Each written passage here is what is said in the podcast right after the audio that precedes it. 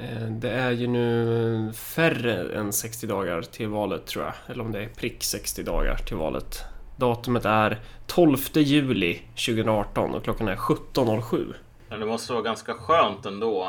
Så eh, liksom den här ökenvandringen Ja, vi, lider mot sitt slut. Ja, det är ju inte klart. Eh, Jag har ju internaliserat Gunde Svan som... eh, Jag, jag, när jag är ute och går så tror jag att han åker runt mig och skriker att jag får vila sen. På, på en sån här hetsigt dalmål, typ. Så, så känns det. Det finns ju en hel del saker man skulle kunna ta upp i ett intro. Men det känns ju som att vi vill komma till ämnet.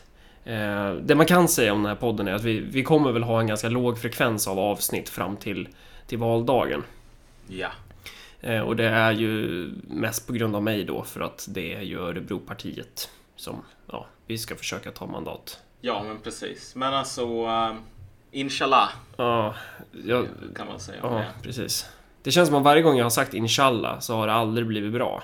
Det känns som att det blir otur. När folk säger lycka till till mig eh, så tror jag att det betyder otur att, att svara tack. Det är någon Mm. sån grej. Så, så jag står bara och ler som ett fån typ. Som en jävla idiot. Nice. Ja. Det känns ju som en sån här eh, Skitdumt. fin, modern vidskepelse som man ska vara stolt över. Ja men verkligen. Och då, om det här då är en person som tänkte rösta på oss. Då kanske den personen tänker "Vad- vad- vilken jävla otrevlig idiot. Han ska ju inte rösta på.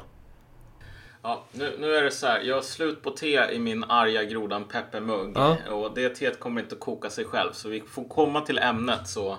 Mm. Eh, efter när vi är färdiga genom den här poddens jävla ökenvandring så kan jag dricka mer te ur min grodan peppermugg. Men det är bra att ha ett glas med vätska så man inte blir muntorr.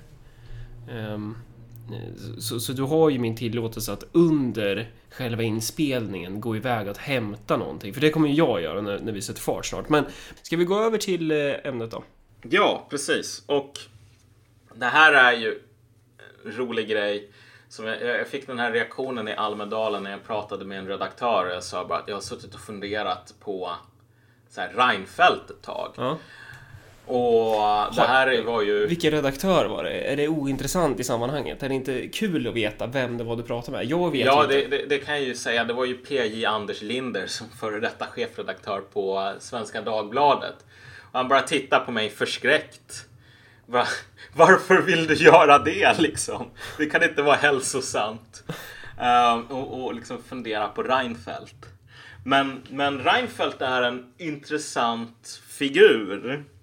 Och jag tror att han, han betyder ganska mycket och betydde ganska mycket och liksom symboliserade en epok och en, liksom, en ideologi, en stämning Um, som jag inte sett så himla många prata om faktiskt. I alla fall inne på djupet. Ja, eller man har väl pratat om, om det kanske, men kanske inte utifrån den spaningen som du presenterade för mig innan vi satte oss med det här. Eh, Ja, Det, det, det handlar väl egentligen om Reinfeldts jakt på, på Reinheit. ja, mina grubblerier börjar när jag kollar på det där klippet där typ Reinfeldt säger så här. Alltså han har ju sagt en del ganska uppseendeväckande saker som det här med ursvenskt, det är bara barbariet, allting som är bra kom utifrån. Sen så har han ju också sagt det här med att det inte, vi står inför en konflikt om liksom vad för sorts land Sverige ska vara. Är det ett land där liksom, som tillhör de som bor här eller som kanske har bott här i flera generationer? Eller är det ett land som tillhör de som kommer här och nu mitt i livet och gör Sverige till det de tycker att Sverige borde vara? Och då säger ju Reinfeldt att för honom, alltså det, det är ju självklart att det är en senare liksom. Sverige tillhör de som kommer, det tillhör inte de som bor där. Det, och det intressanta som jag börjar fundera på är ju bara att i en annan tidsålder än vår, liksom på 19, tidigt 1900-tal, 1800-tal, mitten på 1900-talet, så här, 60-talet, inte så himla länge sedan. Att säga något sådant, det skulle folk skulle tro att du var en rymdvarelse ungefär. De skulle inte ens kunna hänga med i resonemanget. För det de skulle säga är bara, har du läst en historiebok någon gång? Vi har ganska många exempel på folkförflyttningar och typ så här kolonisering och liknande. Greker som flyttar till typ Krimhalvön och ska liksom starta en grekisk stad där och bara får de som bor där redan flytta på sig. Liksom. Det där har massor med eh, liksom negativa konsekvenser. Och det finns massor med intressekonflikter självklart här mellan de som bor i ett land och de som kommer. Så det är liksom inte bara en, en knapp man kan trycka på. Så att folk skulle bara säga, men har du tänkt på vad hände förra gången man provade det här? Har du några andra exempel? Och, och, och liksom, ingen skulle bara säga halleluja. Men när Reinfeldt sa det här så var det ingen som bara körde den här jävla double take, du vet. Det var ingen record scratch sound ljudeffekt så här. Där alla tystade. Nej. Och det roliga här är ju att Reinfeldt tillhör ju den här, en, en, en, generation av politiker, både till vänster och höger, det måste man komma ihåg. Um, som alla mer eller mindre hade ett identiskt budskap. Det är så här att det gamla måste ut och det nya måste in. Mm. Folk har ju sagt det här med att du vet, man gled mot mitten för att det här var det som man tjänade röster på. Men det fanns något ideologiskt här också. Ja, för att vad menar man med att glida mot mitten då? För att rent, mm. alltså den ekonomiska politiken, den likt, det, det är väl ganska likt typ det Reinfeldt gjorde, det som Tony Blair gjorde. Ja. Eh, New Labour och sånt där. Att, att det var, det var lite den typen av nyliberal politik by default. Eh, mm. men, men det du sätter fingret på nu, det är ju inte då glida mot mitten i en så här, ekonomisk politisk mening, utan snarare um, en, kanske inte ideologi i sig, men en tendens eller en viktig del av någon slags underliggande ideologi som handlar då om att skala bort eh, saker som kanske inte är självvalda då. Skala bort all, alla naturliga bara den sättet att jag säger det, det är ju fel enligt de här människorna att säga naturliga eh, tillhörigheter som till exempel eh, att vara förälder eller att vara medborgare eller att vara arbetare eller något sånt där. Ja. Eh, naturlig i den meningen då. Att, att, det, det enda som är liksom genuint bra, det är det man väljer själv då. Exakt, det är ju det som är den nyliberala liksom, drömmen om att människan blir hel och uppnår någon sorts mm. sann lycka. När allt det gamla har tagits bort. Precis, och den drömmen är ju, som du var inne på, det, det förenar ju eh, både högern och vänstern, om man ska kalla det, att, att det är ju inte bara Reinfeldt då som har den där idén, utan det här hittar du ju hos jättemånga socialister idag. Att, att det ja. här... Men, men vad är det här för någonting? Det är ju, vad kallar vi det? Gno, eller vad kallar vi det? Gnosticism. Ja, precis. Gnosticism. Alltså, och det här är en term som jag tror inte jättemånga är bekanta med. Uh, men men, men det, det, det vad Reinfeldt liksom förkroppsligade på ett politiskt plan. Mm. Sen finns det massor med andra exempel på liksom sociala, kulturella plan idag som vi kommer att komma till senare. Men det är ju det här, den här gam, riktigt gamla idén som är gnosticism. Och vad, vad det är, är alltså en religiös idé, men den behöver inte vara religiös. Nej. Du kan vara en sekulär gnosticist också. Det handlar om att uh, det betyder typ besitta kunskap, eller vad fan är det? Ja, man, ja, precis. Och grejen är så här att om du är gnostiker, du vill nå ett tillstånd som kallas gnosis. Som det kan vara lite olika beroende på om du är religiös eller inte, om du tror på Gud. Men alltså, vad det handlar om är mer eller mindre så här att du ska nå det här perfekta tillståndet av eh, eh, ro och insikt. Och när du väl har gjort det så kommer liksom liv, den här tråkiga vardagen att falla bort. Men, men, då, men vad handlar det om då? Det handlar om att man ska nå ett...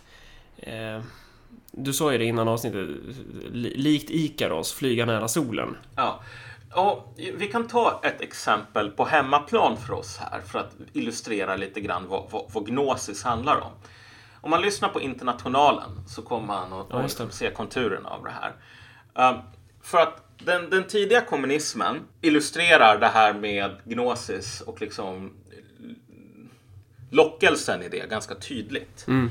Och det har ju varit ganska många genom historien som gjort poängen om att alltså, kommunismen i liksom Marx Engels tappning hade ganska många liknande drag till någon sorts liksom, kristendom där du plockar bort Gud men fortfarande behåller synen på hur historien är riktad. Ja, vi pratade om det där i millenarism-avsnittet tror jag. Ja, exakt. Att det finns de tendenserna inom kommunismen. Och grejen är så här. Att i den här mest liksom re, eh, barskrapade gnosticistiska millenära kommunistiska traditionen. Då säger man så här att när liksom, historien är den här motorn av syntes, antites. Eh, eller tes, antites, syntes. Som triggar igång det här igen. Men förr eller senare så kommer du till den sista syntesen. Och då tar det här historien slut. Och för kommunismen, återigen i, i dess liksom millenära gnosticistiska tappning, då är det så här, när väl klasskonflikter har eliminerats, då kommer vi inte bara leva i ett samhälle där folk inte dör i arbetsplatsolyckor annat än när de är riktigt klantiga. Utan vi kommer att komma till ett samhälle där solen lyser mer klar och där människan blir komplett. Och det där har jag för mig också att den revolutionära delen av arbetarrörelsen i Internationalen så sjunger de att solen ska stråla mera klar. Exakt. Men sossarna sjunger att den ska stråla lika klar. Ja. Och det där var en sån Ja. där viktig grej som de pratade om med Unga Vänster, att det är viktigt att sjunga mera klar. För Mm. att det är ju klart, vi ska ju inte ha något jävla reformistiskt, kapitalistiskt samhälle, vi ska ju bygga det nya. Och det, det, det är ju faktiskt vad det handlar om där då. Att, att Ja. det är den här synen på att... Och det var också sättet man pratade om, om så här... Kommunismen var, definieras ju enligt Ung Vänster, jag vet inte om de har kvar den definitionen, men det var ju något i stil med eh, man avskaffar klassamhället och, och alla förtryck.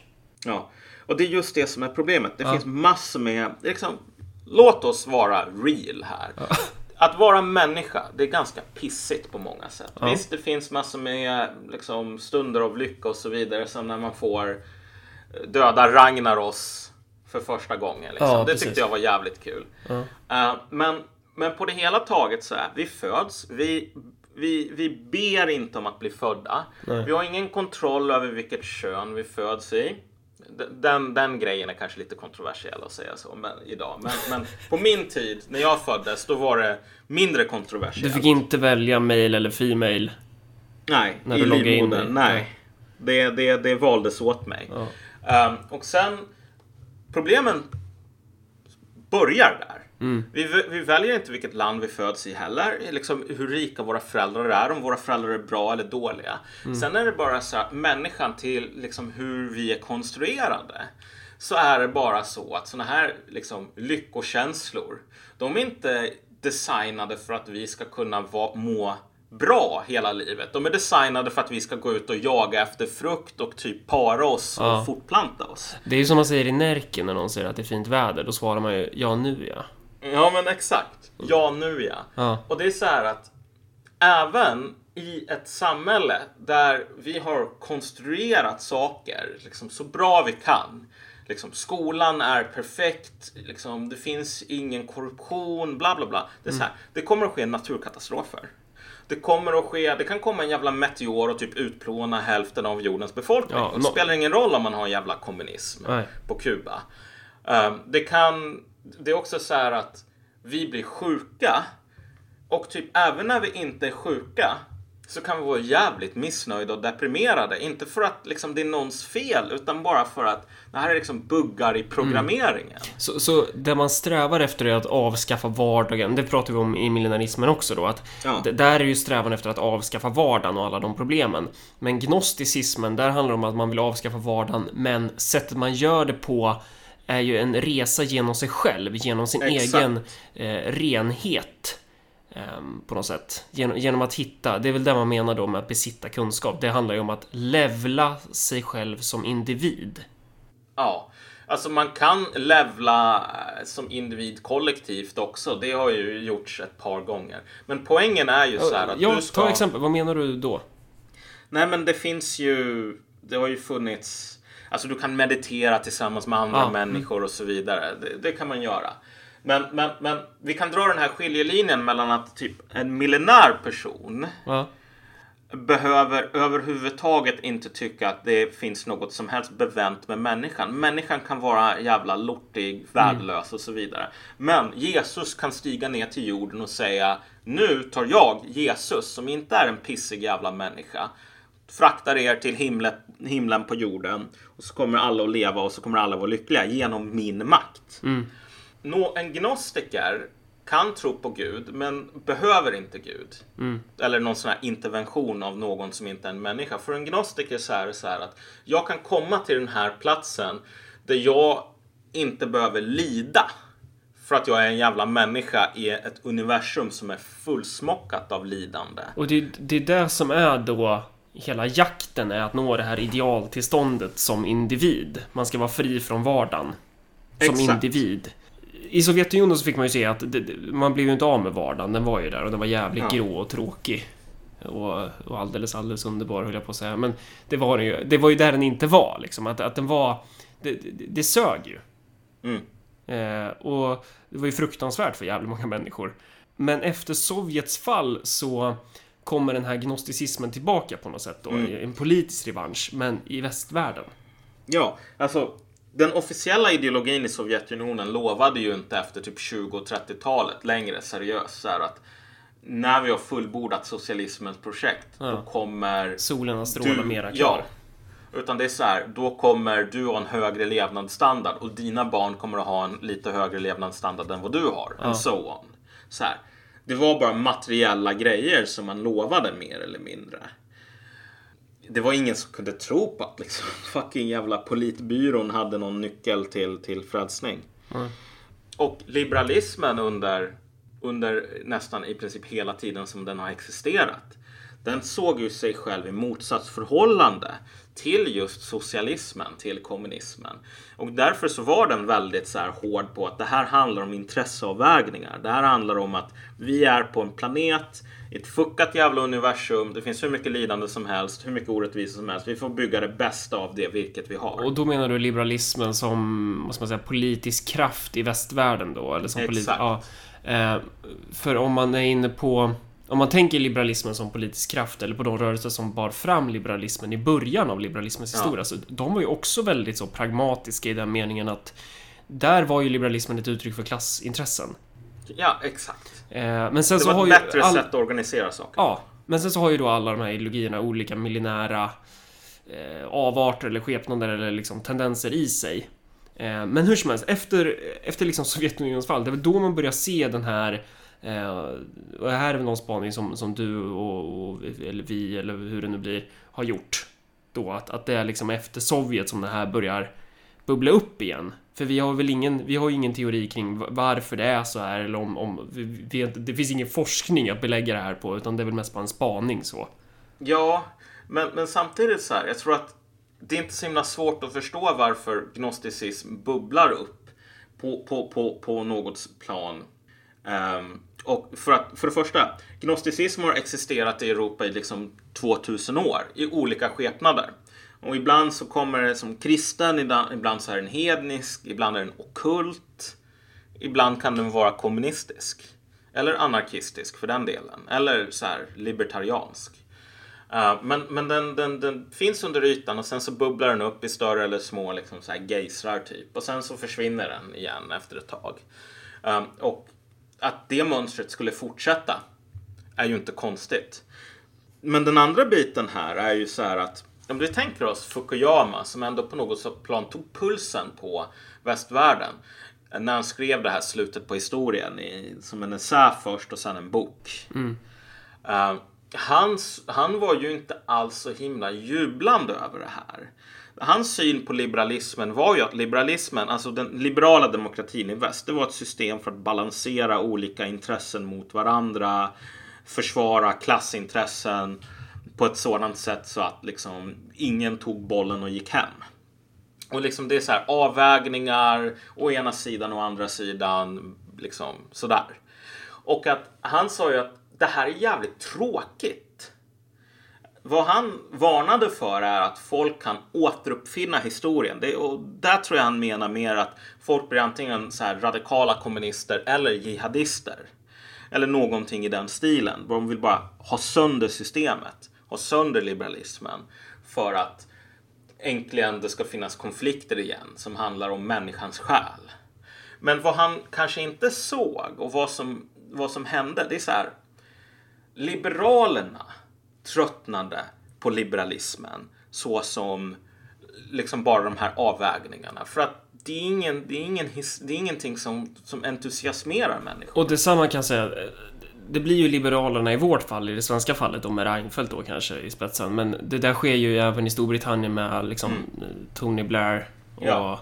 att, att den här typen av... Eh, det, det är ju samma sorts art egentligen. Så.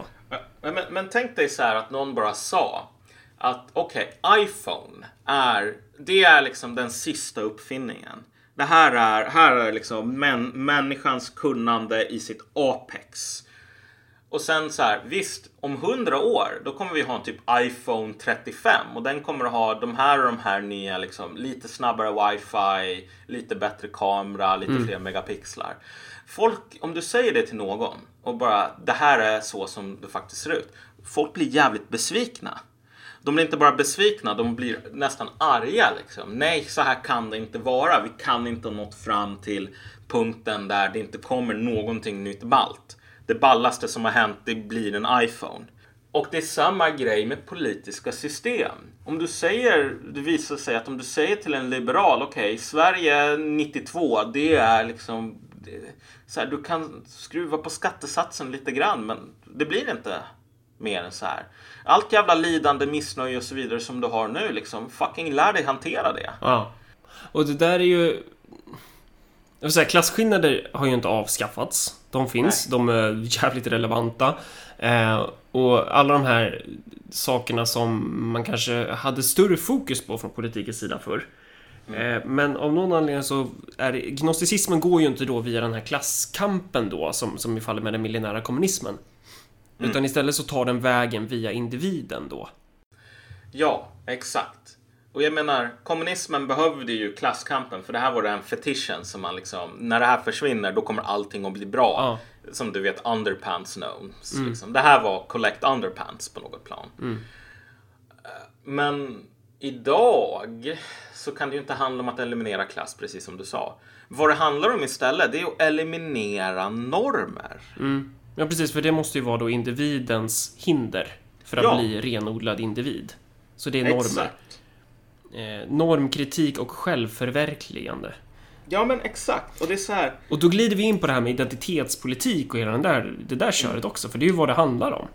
Men, men, det, men det, folk har ju, här, här måste man återvända till Reinfeldt lite kort. Ja. När Reinfeldt säger så här att ursvenskt är bara barbariet, eller när någon går upp och säger att det finns ingen svensk kultur. Eller när Reinfeldt säger att liksom Sverige ska tillhöra typ de som kommer hit. Och liksom det vore fel om det människor som bodde här fick liksom bestämma hur Sverige skulle se ut. Ja, Eller om de får bestämma mer än personer som inte bor här. Eller någonting Alltså, sånt. I en intressekonflikt, vilket det ofta blir, då säger ju Reinfeldt ra- rakt ut att det är den andra sidan som ska vinna. Det är inte svenskarna som ska ha utslagsrösten. Okej, han, de som håller, han håller på de andra för det. De har valt att bli svenskar då. Ja, exakt. Okej, ja. Ja. I det här scenariot så. Han kanske skulle säga något annat i- ifall han var gäst. Ja, ja, men precis. Nu är inte men, Reinfeldt här och kan försvara sig själv, Malcolm. Ja, jo. Men, men, men grejen är, jag försöker försvara honom mot de här anklagelserna om att Reinfeldt drivs av någon sorts hat mot Sverige. Ja. Vilket många har kommit med. Reinfeldt hatar Sverige. Det är därför som man säger att ursvenskt är bara barbariet. Vi måste utplåna den svenska kulturen. Ersätta den med liksom modernitet. Det är inte hat mot svenskar. Nej. Vad, Det- vad det handlar om det är ett hat mot partikulariteter. Ja. Det är ett hat mot allting gammalt som är kvar och som människan inte fritt kan välja. Allt sånt måste utplånas. Och här blir invandraren en, en hjälpreda här. Det är liksom som tomtens jävla alver på något plan som håller verkstaden igång. Invandraren behövs inte i sig kanske som en person utan som någon som löser, är det här lösningsmedlet som löser upp allt det här gamla bråten. Du vet, lacknafta som typ frigör eh, liksom den här ingrodda på naglarna. Och, och, och- och det är en stor viktig skillnad här. Det, om man hatar Sverige, ja okej, då jobbar man för ryssen och typ, jag vet inte vad, håller på och fotar militärinstallationer om vi nu ens har några sådana kvar i landet. Uh, för att man vill att liksom Sverige ska invaderas och förstöras. Det är ju inte det Reinfeldt vill. Reinfeldt vill att svenskar ska sluta vara svenskar och bli någonting mer. De ska nå gnosis. Mm. Och jag fick den här insikten första gången när jag höll på att fundera lite grann på rummet som min syrra höll på med. Liksom så här. För att, En av dina systrar. ja precis. Um, och folk har ju ställt den här frågan, bara, ah, hur ser era konversationer ut matbordet? Ni tycker så olika och bla bla bla sådär. Men jag, jag har alltid varit intresserad av att försöka förstå den här sortens, liksom det som vi kallar identitetspolitik. Och, och suttit ganska många, hundratals timmar verkligen med det och bara suttit och funderat. Men insikten kom när jag tänkte på så här, min och Valeries farsa. Eh, För Paul Chiyune var alltså medlem i den här Baganda-stammen i Uganda. Visst specifikt folk tillhör den här, en undergrupp i liksom gruppen bantufolk. Har en ganska ball historia, bla bla bla. Så här, vår familj var enligt hörsägen någon form av typ lågadel eller till och med högadel under en av de här dynastierna. Ehm, och Uganda idag är alltså något så konstigt som en republik som har ett jävla subkungarike som en del av republiken. Arvskungadöme då. Och grejen är bara så här, jag behöver inte tråka ut någon med detaljer, men, men detaljerna är lite grann poängen. Alltså det är Marcus och Malcolm, så det är ju... Ja, De är ju här för det här. Ja, men poängen är så här, man kan gå ut och kolla på det här på Wikipedia, det finns säkert massor med böcker man kan läsa. Som sagt, ganska ballt folk, ganska ball historia. Britterna var väldigt imponerade av eh, hur jävla bra de var på att samla in skatt och hur liksom organiserat kungadömet var. Men de tyckte att det här med människooffer, så här, man dödar nästan tusen pers per år i religiösa ceremonier. Det var kanske inte så här skitbra. Men, men grejen är så här, gå ut på rummet, försök hitta en enda detalj om någonting av det här. Du kommer inte att hitta någonting. Och det är på grund av att liksom den här identitetspolitiken, den handlar ju inte om att jag ska hitta det partikulära. Det som gör mig, liksom, jag har, kommer från den här ätten. Jag kommer från det här folket med de här traditionerna. Och jag kan liksom blicka tillbaks och se att jo men jag är inte en jävla nobody liksom. Utan ironiskt nog att vara en person of color liksom och vara rasifierad. Ja, för det är väl det som är själva poängen. Att man, och, alltså man trycker ju svin hårt på att kolla, jag har den här hudfärgen. Det betyder att... Eh, ja, vad betyder det? Att jag, jag har rätt till det här och det här. Det, alltså, man, man utgår ju jävligt mycket från hudfärgen som, som politiskt subjekt. Men, Ja. man, man, man, man går inte på djupet då till, vad fan hette det där folket? Man kom, Baganda? Baganda, precis. Ja, det är ingen som, som tar det som argument då, utan det, det är någon slags annan...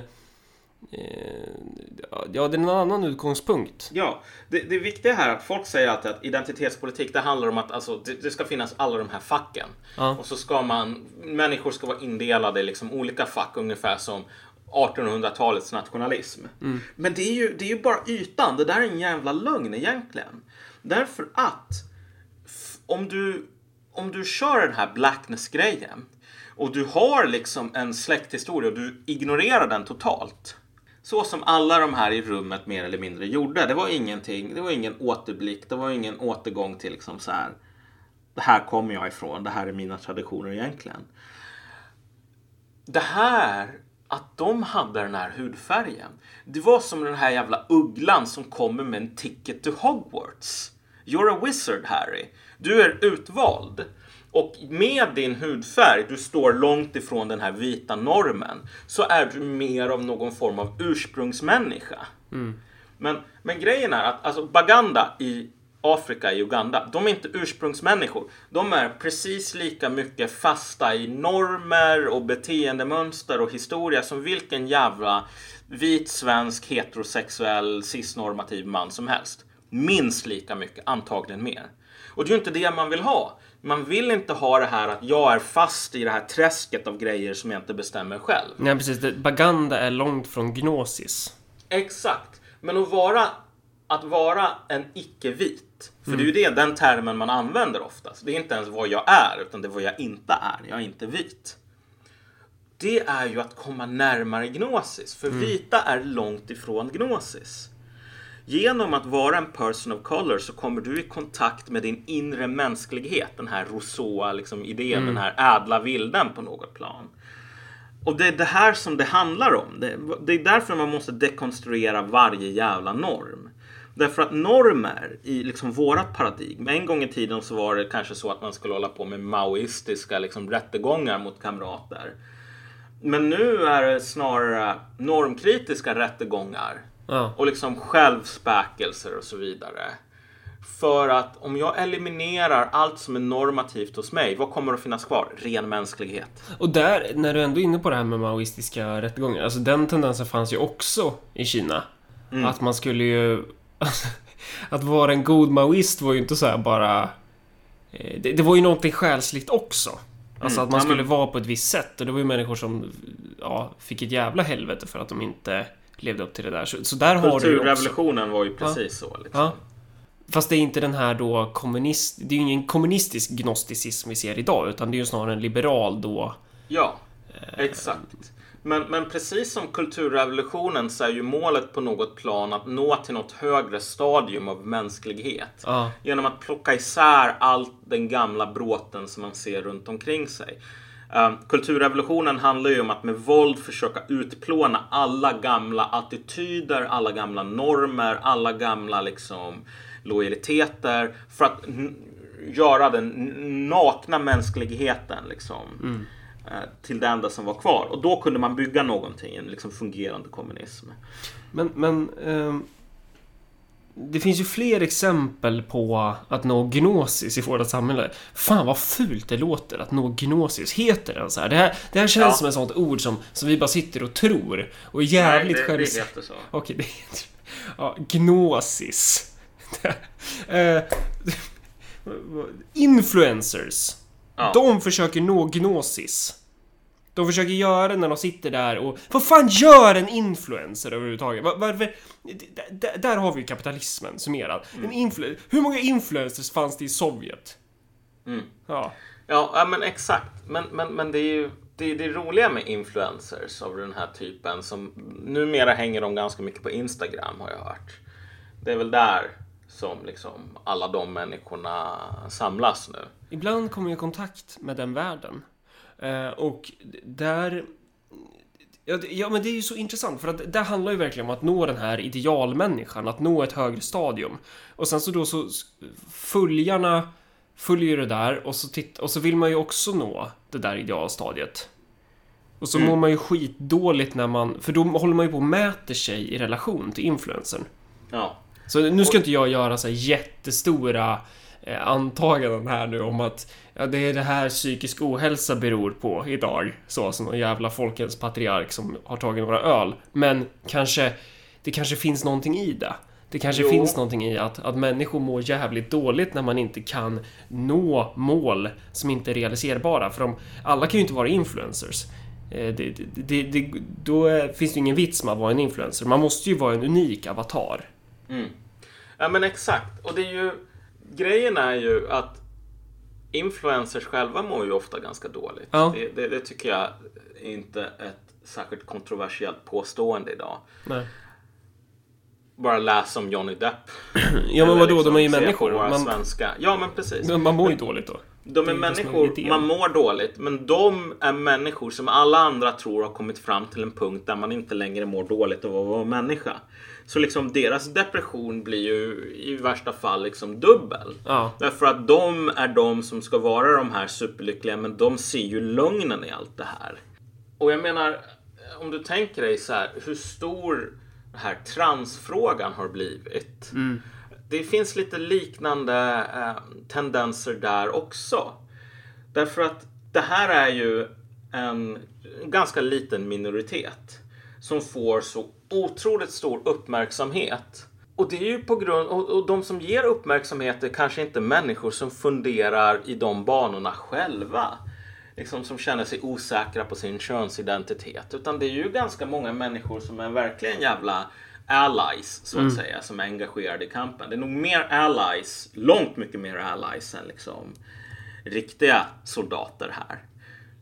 Ja, men, men varför, varför är allies så jävla intresserade av det här? Det, det normala svaret är ju självklart att liksom det fattar man ju själv. Det här är rätt, det här Ja. är gott, bla bla bla. Men varför är det rätt och varför är det gott? För att det, Alltså- det är ju det högsta stadiet av att skala bort partikulariteter då. Ja, exakt. På något plan så är det ju det. Om vi Ja. tar de här sakerna som du och jag inte kan kontrollera. Uh, köns, alltså vilket kön vi föds som Ja. och liksom vilka förväntningar och vilken roll vi har i den här jävla myrstacken. Det är ju en av de absolut största grejerna här. En av de mest liksom, ehm, vad ska man säga? de här jävla, en, en tegelvägg som står i vägen för att jag med bara mitt intellekt alena och min vilja alena, min mänskliga liksom kraft ska kunna bestämma vad jag är till punkt och pricka. Och jag menar i, i Kanada så har du ju nu en sån här lag där man kan ta ifrån vårdnaden, alltså ta ifrån föräldrar vårdnaden om de inte respekterar barnens könsidentitet. Så om en 12-åring kommer till dig och säger så här, jag är egentligen transsexuell, jag vill ta de här hormonblockerarna och så vidare. Ja. Och du säger, vänta tills du är 18, då får du bestämma det där. Ja. Eh, då kan du förlora vårdnaden. Och det intressanta här, apropå det här med influencers och liknande, det är ju att idén om gnosis, att kunna nå det här stadiet, att du inte bara har nått någon sorts insikt, utan du liksom förkroppsligar insikt. Du förkroppsligar... Man är insikten. Ja, precis. Jag tror att det är det som motiverar ganska många allies. Liksom, självklart de är goda och det här är en rättvis kamp och bla bla bla bla bla sådär. Det, det, det, det förnekar jag inte alls. Men, men motivationen här, den liksom emotionella, ofta väldigt stora investeringen ligger ju i liksom det här att det är kul att se någon annan som har nått gnosis för då kan man kanske nå dit själv en dag. Men det finns en ytterligare, en, en riktig jävla ironi här. Om jag ska vara chatter så kan jag koppla ihop det här med anledningen, en av anledningarna till att varför många transpersoner är så otroligt deprimerade. Det är så här. Genomgår du en könskorrigering så når du inte en befriande från vardagen. För det första, du är fortfarande människa. Du har fortfarande massor med liksom neurokemiska system i hjärnan som är helt jävla fuckade för att göra folk lyckliga men ganska bra för att få dem att para sig typ. Ångest driver på oss som en jävla motor. Så du har inte ändrat på den grejen. Men vad som är värre är, du och jag till exempel, vi behöver inte tänka på att vi har en snopp. Nej. Vi behöver inte tänka på att det finns massor med könshormoner liksom, som har någon sorts konstig balans som formar liksom, muskelmassa och bla bla bla. Sådär. Nej. Det är bara någonting som händer automatiskt. Ja, det är autopilot, ja. Ja, det är autopilot liksom. Ehm, någon gång någon, i månaden så kommer man på, fan jag har en snopp liksom. Det, det är en grej som jag har. Resten av tiden så tänker man inte på den. Men, men om du genomgår en sån här könskorrigering, så som det ser ut nu till exempel. Vi säger att du börjar som man och du genomgår den här korrigeringen till kvinna. Ja. Ehm, kroppen är, har inte nått gnosis. Den är inte alls lika upplyst och normkritisk som du.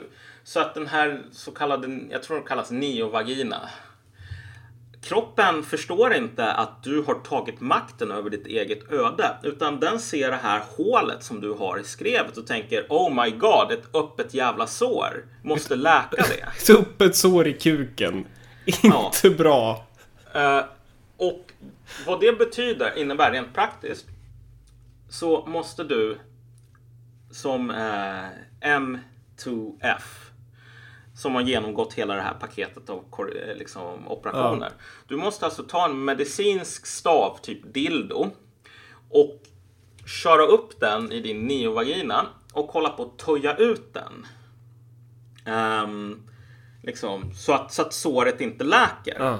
Därför att om du inte tar den här staven och håller på och töjer ut liksom en timme om dagen, i alla fall en timme om dagen i början, sen kan man göra det lite mindre efter ett par år. eh, då kommer inte du att ha... Det här kommer att växa igen. Och när man sitter där och töjer då, då kanske Ja. man ställer sig frågan är, är det så är jag, är jag kvitt vardagen nu? Nej men precis, det här är, själv, det här är liksom antitesen till att nå någon sorts liksom satori, någon sorts Ja. gnosis. Ehm, för det är så här smärtsamt, det är tråkigt, det tar massor med tid. Det är, nånt, det är ju någonting som är nytt. och- Eller det är någonting Ja. så här som tidigare var autopilot. Ja, Är någonting man nu måste lägga ner energi på. Så man Exakt. har ju, det är en hypervardag. Om du bara eh, har den här oturen att födas som en vanlig jävla kvinna och privileg, privilegierad på det sättet. Du behöver fan inte tänka på det här. Nej. Visst, jag menar det finns gynekologer, det finns massor med grejer som kan drabba underlivet för både män och kvinnor. Men själva att ha ett könsorgan är inte liksom ett jävla deltidsarbete. Nej. Att ha könshormoner är inte någonting som man måste sitta ner och man måste ha biverkningar av och som man måste hålla på och lägga massor med pengar på. Liksom, det bara sker automatiskt. Och nu säger inte vi att, att det inte finns någon anledning till varför människor skulle behöva byta kön eller så. Nej, nej, Det, det absolut inte. Utan vi vill ju peka på en tendens i just den här strömningen då, varför det här ses som... Alltså, eller sättet man ser på det här. Typ. Ja. Och det är ju precis, och det är just det att det här handlar ju inte så mycket om transpersonerna själva utan det handlar ju om människorna runt om och vilka Ja. förväntningar de har. Och jag tror att de förväntningarna ställer till det för ganska många transpersoner därför att om du omges av människor som säger du kommer att nå någon sorts högre stadium, du kommer att känna dig på något djupt plan mer fullbordad så här. Ehm, då kommer du antagligen att bli mycket mer bränd än Johnny Depp eller eh, någon av dem där någonsin blev. Jag menar, Johnny Depp, bekant- vadå, är Johnny Depp? Är han deppig eller? Ja, det är han. Men jag har, jag har liksom en, en, en, en, en bekant här ehm, som också är transperson, man till kvinna. Ja. Och hon säger ju så här att, vet du vad? Liksom, det, det här är inte rocket science. Jag, jag kom till den insikten om mig själv. Jag har så här, ett psykiskt problem som orsakar mig massor med eh, olust och liksom ångest. Det här är det mest praktiska sättet att lösa det på. Liksom, det är ungefär, eh, och här menar jag inte att det ska vara dåligt eller något sånt. Men jag menar, tänk dig den förväntningen. Här, jag har ett konkret problem. Och jag har en konkret lösning som kommer att förminska just detta konkreta problem och inget annat. Om man genomgår en sån här operation som inte går att ångra och som är, har massor med biverkningar. Med den insikten, då tror jag inte man blir särskilt deprimerad. Har man massor med större förväntningar om att jag kommer att bli inte bara en lösa ett konkret problem utan bli mer fullbordad som människa. Ja, typ kombinerat med att ens jävla toleranta vänstervänner ordnar Ja. typ en fest eh, Ja. k- kring det hela. När, när det är klart, typ. Ja. Alltså, visst, det finns saker som ändras, men det finns jävligt mycket som inte ändras. Och om du är på något plan missnöjd med de sakerna som inte ändras, alltså då kan man verkligen hamna i eh, på dark place, så att säga. Men vi behöver inte uppehålla oss mer än så. Liksom. Det här är ett exempel på just hur vår kultur idag hyllar gnosis. Det finns ju fler exempel som är så här. Varför gör man det man gör? Varför, varför, varför äter man inte kött? Eller varför äter man kött? Kanske också då skulle kunna ställas i relation till det här individens självförverkligande. Eh, för det finns ju olika idéer om att vara woke. Eller woke, Ja. kanske man säger. Det är W. Men, men det här då att man... Eh, ja, men jag vill inte äta kött. Ja, men varför då? Ja, men det är, det är fel mot djuren. Eller jag förstör miljön. Okej, men... Eh, om man då ska dra det där till sin spets och hålla på och kritisera livsstilar och sånt där, då kan man ju lika gärna visa att ja, men du, du förstör miljön ännu mer när du typ drar på en flygresa eller någonting sånt där. Ja. Men poängen är ju då att syftet kanske inte är, även om man tänker det själv att man gör det för att rädda miljön, så gör man det ju för att det känns bra för en själv. Det, det är ett sätt att nå den inre frälsningen. Var, varför, varför rakar jag mig inte under armarna? Nej, det är för att demonstrativt visa att jag har nått en ny nivå. Eller varför rakar jag mig under armarna? Mm. Alltså att det-. Varför demonstrerar jag mot Sverigedemokraterna? Eh, det, det är också en del i det där. Var, varför, varför dricker jag Coca-Cola Zero eller Co- Coca-Cola Light? En massa sådana här handlingar som man gör handlar ju om att man ska förverkliga eh, sig själv. Renodla sin karaktär. Ja, och det här är ju en av de grejerna. Och jag, om det här hade varit fem år sedan och jag skulle göra någon sorts kritik av reklamindustrin och sättet som marknadsföring sker idag, då skulle jag ju säga något i stil med, och det här är ju eh, den, den accepterade liksom, linjen. Så här, vad reklamindustrin gör är att den hittar på massor med behov som människor egentligen inte har. De prackar på folk. Du måste ha det här, du måste ha det här, du måste Ja. ha det här. Och jag tror att det är att fundamentalt missförstå vad det är som har skett med marknadsföring och liksom vår kultur de senaste 60 åren. Alltså behovet av gnosis, av att nå den här punkten där jag blir befriad från det faktum att det suger att vara människa. Det har funnits liksom 2000 år innan konsumtionssamhället ens var Eh, en jävla glimt i någons öga. På den tiden folk gick runt i säckväv och käkade typ lök. Så hade du folk som med olika sätt, liksom verktyg, sa att jo men det här verktyget kan jag använda liksom för att komma upp i stratosfären och lämna mitt mänskliga, liksom, tråkiga jag bakom mig. Vad, vad marknadsföringen har gjort, det är att liksom säga nej, du behöver inte meditation. Du behöver en ny bil. Och de, det här samexisterar så jävla väl med de som liksom veganer till exempel. För veganer säger så här, nej men du behöver inte hålla på och konsumera. Du behöver bara liksom inse att så här, vi måste vara snälla mot djuren och då kan vi bara där eh, liksom, kan vi börja ta det första steget mot att vara snälla mot varandra och nå någon sorts lycka. Och då finns det alltid någon kapitalist som säger Du har så jävla rätt. Det där är så moraliskt fint. Vad sägs om att köpa lite sojamjölk? Ja. Och liksom, det, det här är ju en symbios. Även de här mest liksom true, det, det här är en tendens som du ser hela tiden. Ja. Så fort du har någonting, jag kan ta ett exempel på random, BDSM. Ja. BDSM började som en sån där jävla underground-kultur. När folk skulle göra en jävla gimpsuit i... Uh, uh, vad fan heter den där jävla filmen? Pulp Fiction, liksom en sån. Då gjorde de den själva. Det var som så här cosplay en gång i tiden. Ehm, och det, var, det fanns ju mycket så här stolthet över att vi är underground, vi är de här människorna, vi är lite mer för mer för vi håller på med BDSM och det är ingen jävla kommersialistisk bullshit liksom. Idag kan du gå till lustgården så kan du köpa en jävla piska och liksom latexdräkt och allting sånt. Tillverkad i Kina. Ehm, och vad som har skett är ju att det har blivit menar som i alla subkulturer folk bara sagt att nu kommer det massor med jävla sellouts som köper de här gimpsuits och piskorna på lustgården. Men de är inte riktigt true. För de har, de har inte samma vördnad för liksom grejen, kulturen som vi har. Men det här är bara två olika sätt. Antingen så kan du hålla på och försöka säga att jag är närmare det allmänmänskliga genom att jag gör min egen gimpsuit. Eller så kan du säga jag vill komma närmare det allmänmänskliga. Jag ge, gör det genom min konsumtion. Av en gimpsuit. Ja, exakt.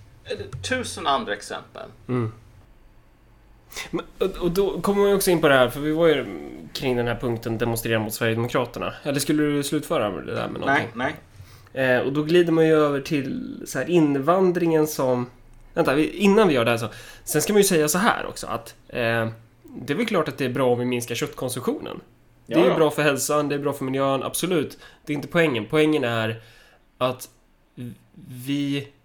Det kanske inte är av de anledningarna som vi vill göra det. Utan det är av själviska skäl, eh, gnostiska skäl. Som, Ja, som, som det finns ett behov det. När folk börjar säga så här att vi måste, det finns en norm om att djur är mindre värda än människor och att det är okej att äta dem och vi måste dekonstruera den här normen. Jag menar, det här är ju verkligen flykten från naturen på något plan. Det här är att vi måste höja oss över. Försök att förklara den här jävla normen för ett lejon.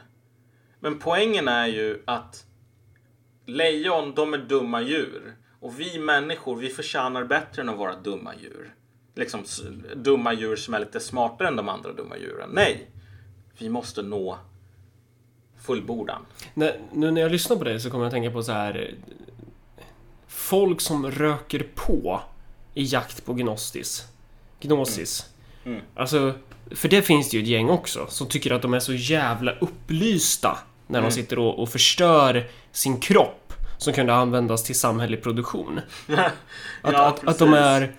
Eh, ja... Vidrigt beteende är det. Men, men invandring. Invandring är ju också ett fenomen som är... Dels är det någonting konkret, materiellt. Ja. Man, man, man, man kan prata om invandring i termer av så här... eh, Ja men det här, det här hemska sättet då. Man kan prata om det i termer av... Ja men det här tjänar vi på, det här tjänar vi inte på. ja, Stolpa upp. Sen kan ju invandring också vara någonting spirituellt. exakt. Det, det är just det som är grejen. Ta Reinfeldt. Varför bryr han sig så jävla mycket om det här?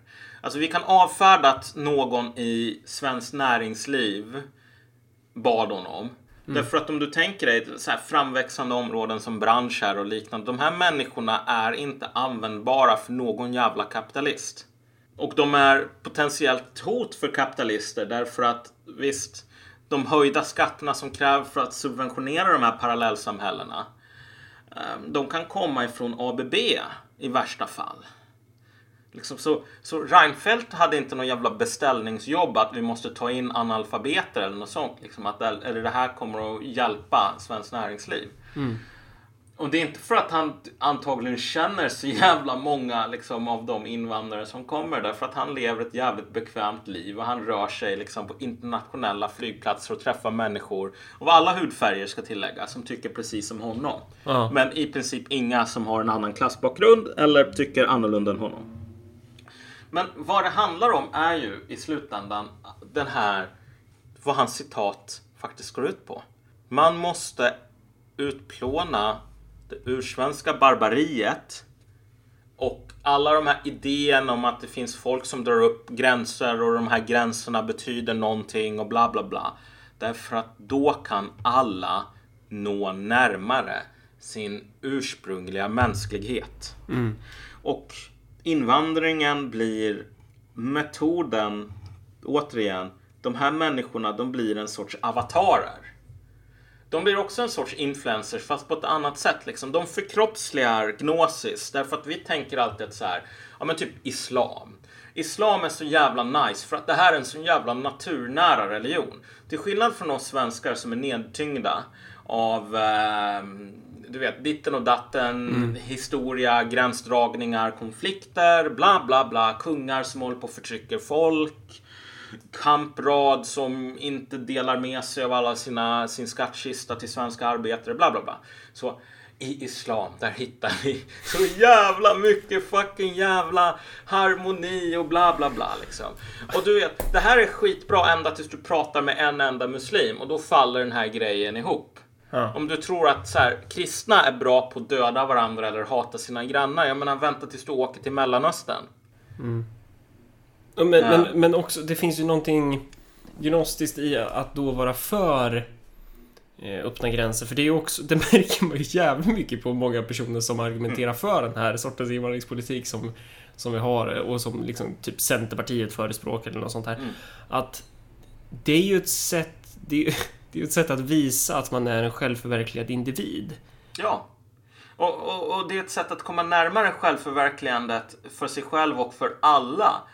Inte genom godhetssignalering utan genom utplånandet av alla de här grejerna som man tänker sig är ankare som tynger ner fötterna på jorden. Liksom. Så på, på så sätt så är vi ju inte så skilda från typ den här stenåldersmänniskan, den här riktigt korkade oga-boga-idioten som bara ute och går på stranden, typ hittar, hittar en pinne och sen typ eh, sätter den på huvudet och tycker att ja, det var jävligt fint smycke och klappar händerna åt det. Jävligt glad. Alltså, på, vi är ju ungefär likadana fast när det är så här främmande kulturuttryck. Att man beter sig Exakt. på ungefär samma sätt ibland. Eh, för, för att det är någonting... Eh, det är upplysande i sig. Ja, och det här är ju, det stora problemet här är ju att det finns liksom en kamp idag i Sverige mellan invandring som någonting materiellt som handlar om materiella saker på den här jävla fucking planeten i det här fuckade universumet. Det kommer alltid att koka ner till motsättningar och konflikt. Man kan liksom ett bra system liksom, tänk dig liberalismen, hur det såg sig själv. Dess självbild var liberalismen är ett bra system. Varför är det ett bra system? För att det här är bästa sättet att hantera motsättningar och konflikter som är ofrånkomliga. Ja, så här, vi, en viss grupp tjänar ju på det. Ja, jo, men en viss grupp tjänar på det, men det är så här, alla grupper ska tjäna lite grann i alla fall. Ja. Så att liksom inte det blir revolution. Jämför det med fucking Reinfeldt eller Annie Lööf liksom så här. Vi kan öppna upp, det, bo, det finns plats med 30 miljoner. Det är så här, okej men har du den bästa lösningen av de som står till buds idag, olika ideologier, att lösa de intressekonflikter, problem och liksom det agg som skapas? Det här är ju som att liksom du håller på att tala någon jävla oga-boga-språk liksom för Annie Lööf eller för Reinfeldt. För vilka jävla konflikter? Det är inte det det handlar om. Fyll på med 30 miljoner och sen så kommer saker och ting att bli bra.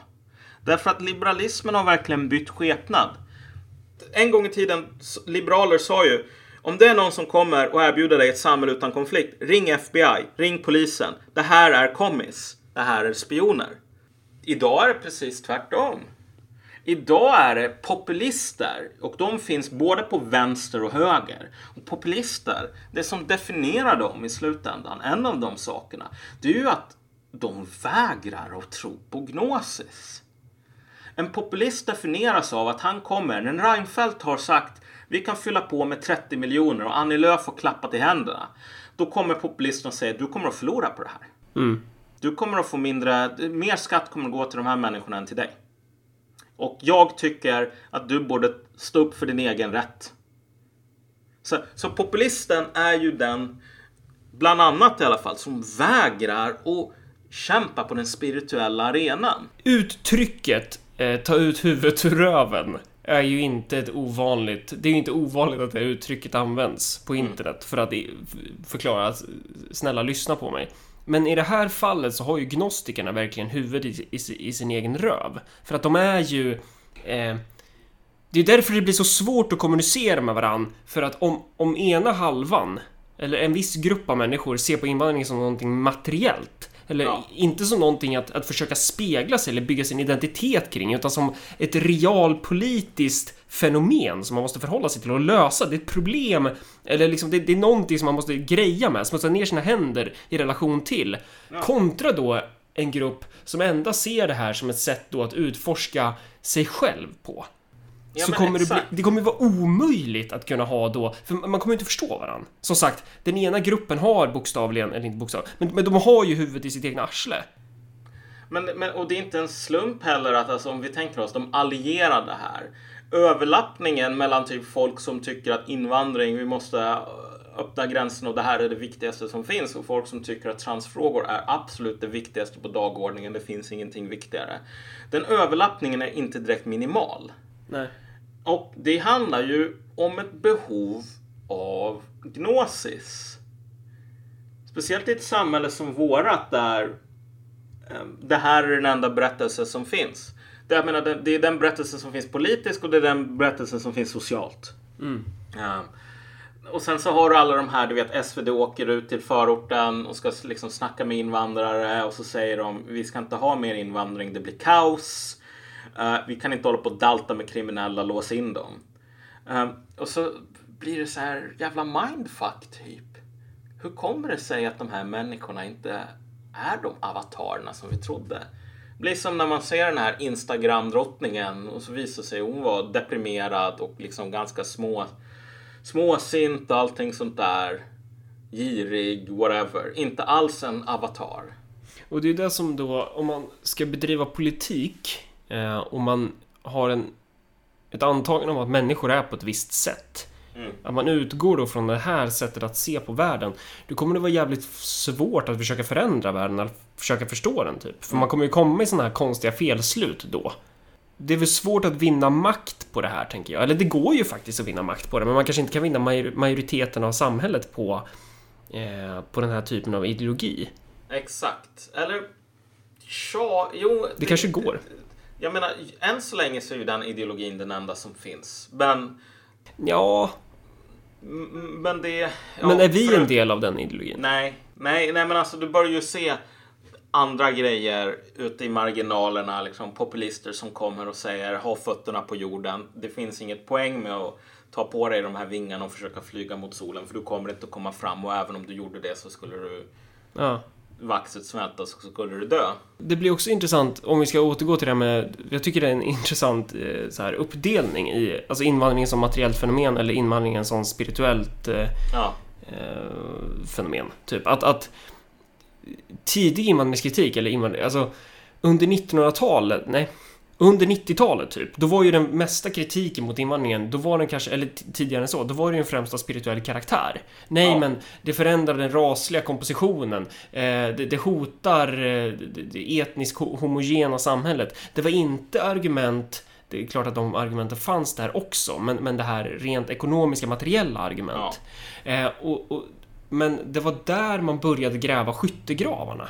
ja, Så skyttegraven är liksom grävd av spirituella argument. exakt. Och, och det är många som kanske fortfarande tänker att då betyder det att all form av invandringskritik, även om den är materiellt, alltså även om den är vettig, så, måste, så, så klumpar man ihop det med det här spirituella då. Ja.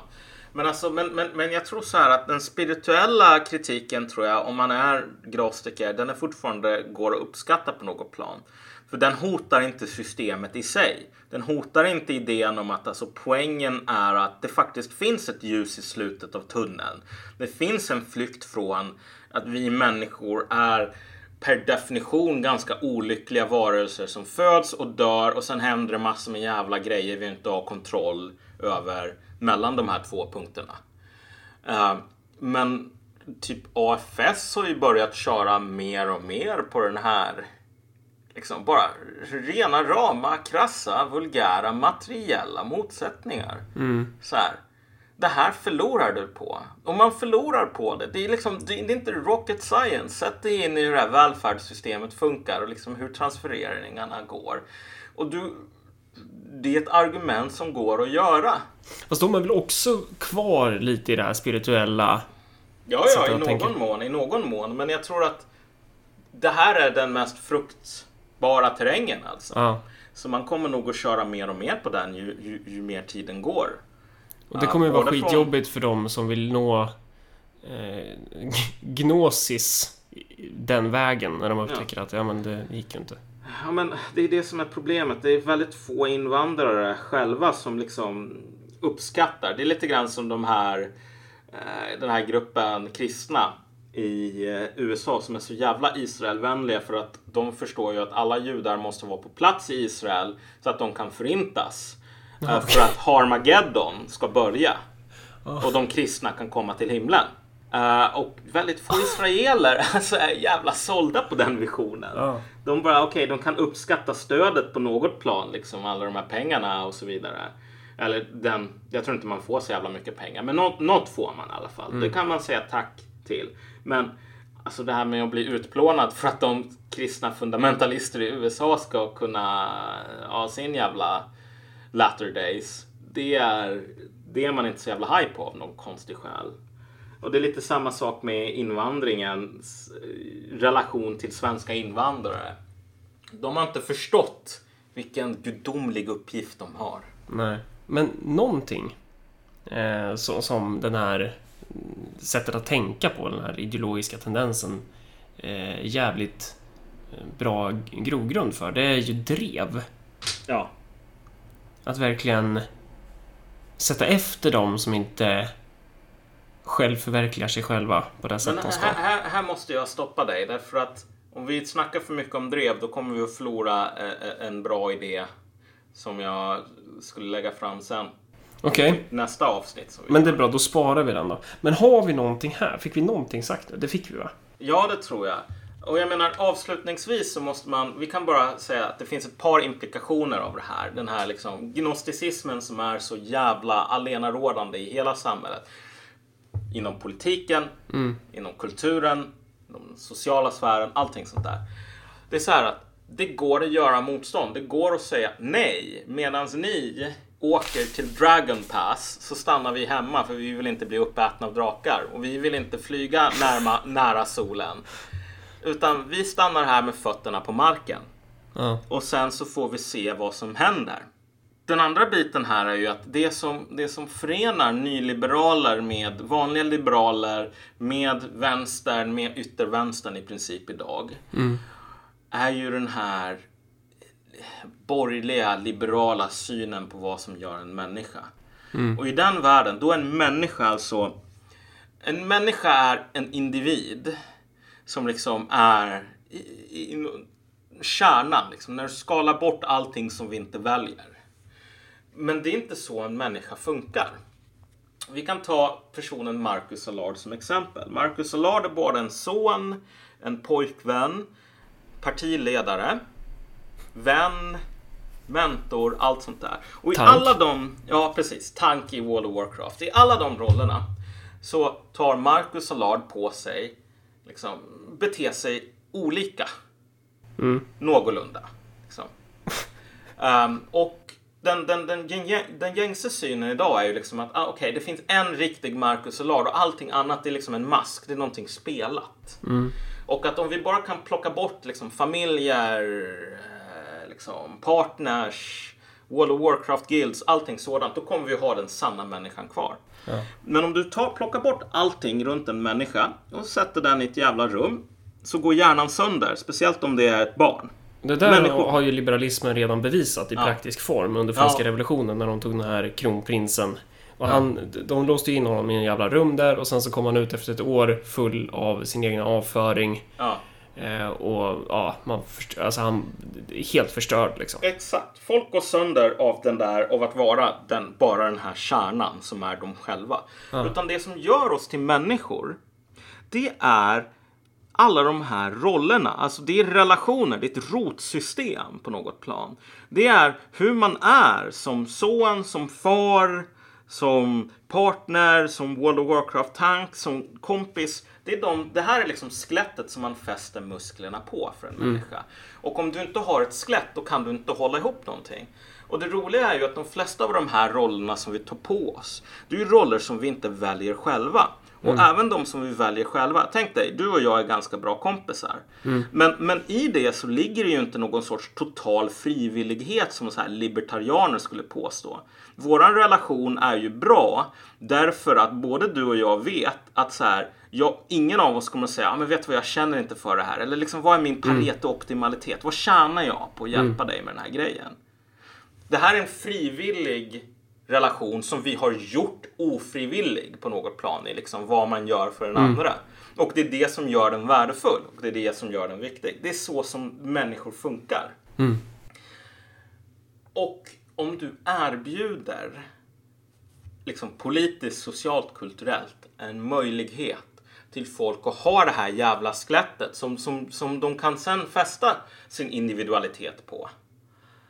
Ehm, då kommer du att kunna gå mycket, mycket längre. Än de som Ehm, vill amputera bort det. Ja, de som står där och bara säger så här. Nu ska ni räkna alla era privilegier. Och nu ska vi skala bort allt det här. Snart så ska du inte vara man eller svensk eller så här uh, närking eller någonting. Utan du ska bara vara ren mänsklighet. Om du står där och erbjuder det, okej, då kommer du ha ett par galningar. För sådana finns det liksom genom varje tidsålder som följer dig. Men de flesta människor kommer att må dåligt och de flesta människor inom den här jävla vänstern mår ju dåligt också. Ja. Ja, ja. Bara kolla hur mycket psykofarmaka de här människorna Det är ju också ett liksom. sätt att nå gnosis, att vara psyksjuk. Alltså det, är, det är ju någonting som... Alltså det, det är på... Det, de eftersträvar ju det. Det är någonting fint i de här kretsarna. Det är bra att vara det. Men vet du vad? När de här människorna kommer med sin jävla lacknafta och ska lösa upp alla gränser och allting liksom. Alla normer och alla regler och alla band mellan människor och allting. Allting, allting, allting. Tills det bara är den rena kärnan kvar. Låt dem göra det. Så länge som det finns människor som står där vid sidan om och säger lycka till. Vi kommer inte att göra det och vi kommer att erbjuda folk Ja, att man talar till människor i egenskap av medborgare eller arbetare eller pappor eller vad, mammor eller vad fan Ja. det nu är. Och i den mån de här jävla relationerna är dysfunktionella och behöver ändras, då kommer, i den mån skelettet är svagt, så kommer vi att ge er ett bättre jävla skelett. Ja, men man- ska ju aldrig lova någonting bra till människor. Man ska ju Nej, lova nej. blod, svett och tårar. Exakt. Men det är just det. Blod, svett och tårar är också en sån här jävla relation. Det är också någonting som man gör och no- någonting som är en del av det här rotsystemet. Det är det som kan göra människor till människor. Därför så gick inte alla sönder under blitzen i, i, i London till exempel. Men att lova folk, vi ska befria dig från ditt jävla mänskliga skelett. Det som gör att du kan gå upprätt. Ehm, det är i slutändan jag tror att det här är en tid i historien, som, en epok som håller på att nå vägs ände. Ja, vi får se. Eh, men ja, det var väl det. Ja, Eh, ja. Bli en Patreon till Marcus och Malcolm. Gå in på Patreon.com och skriv Marcus och Malcolm. Och då kan ni donera en gåva varje gång vi släpper ett, ett gratis avsnitt. Så kan man donera frivilligt hur mycket man vill. Kanske en dollar eller två dollar. Vad kostar en öl i dollar? Ja i Sverige är det väl typ 100. Ja, I Uppsala kostar den typ en dollar. Ja, ja. Ja, okej. Men tack så mycket och på återseende inom en inte alltför avlägsen framtid. ja det är förhoppning i alla fall. Men man ska inte Ja. lova något bra. Vi lovar. Ja, men precis. Vi lovar om vi lovar att vi aldrig mer släpper ett avsnitt så, så kommer ju folk inte bli besvikna sen. Mm. Ja, men precis. Då ska vi se. Ja, nu skiter vi i det. Hej! Ja.